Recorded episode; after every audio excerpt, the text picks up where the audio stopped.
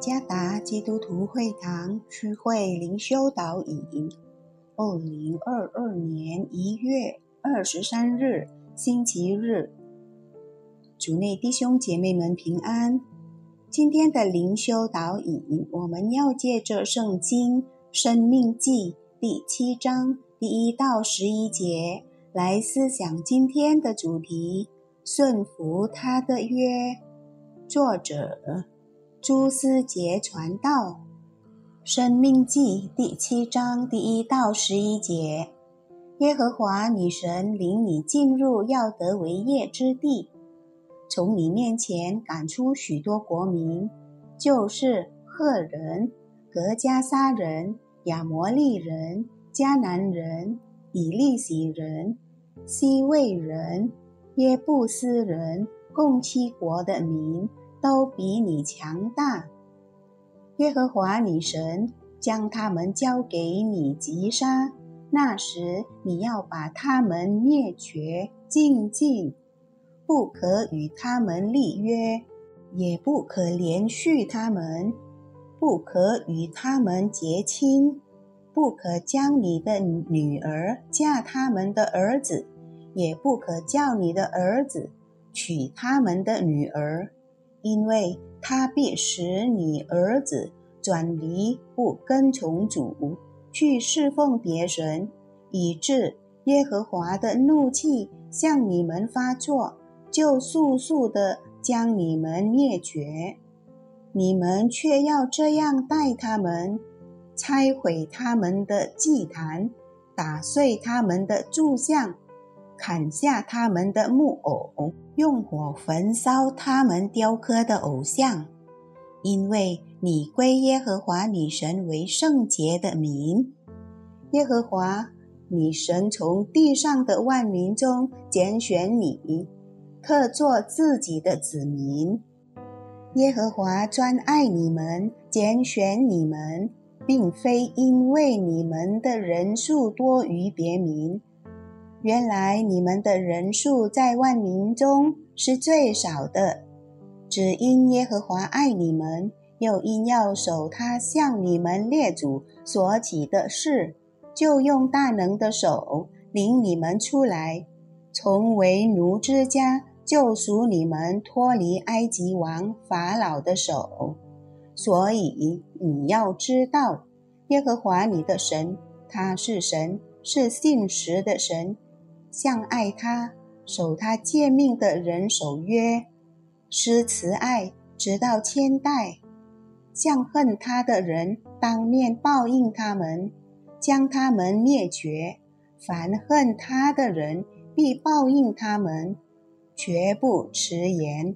所以你要谨守遵行我今日所吩咐你的诫命、律例、典章。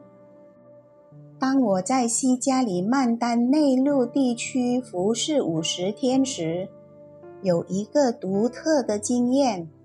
当我到达达雅克族民的居住区时，当地执事主席要求我为他们的执事同工祷告，这让我感到惊讶。我可以为你们祷告些什么？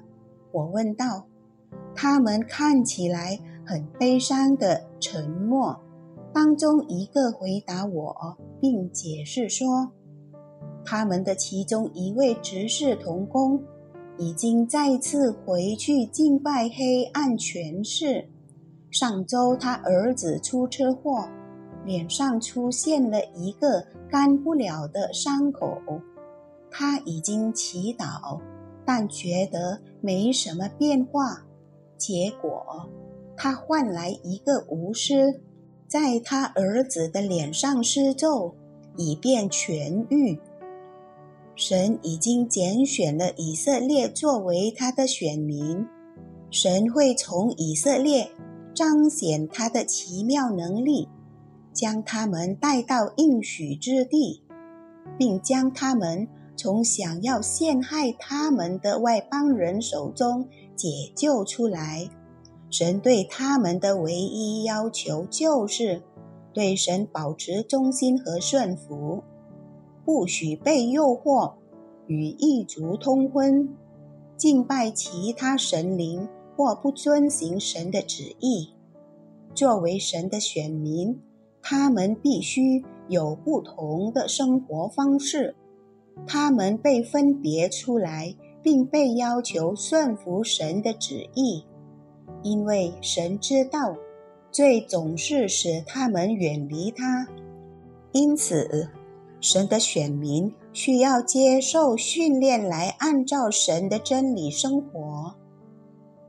作为神的选民，你我时刻都被恶者诱惑对神不忠。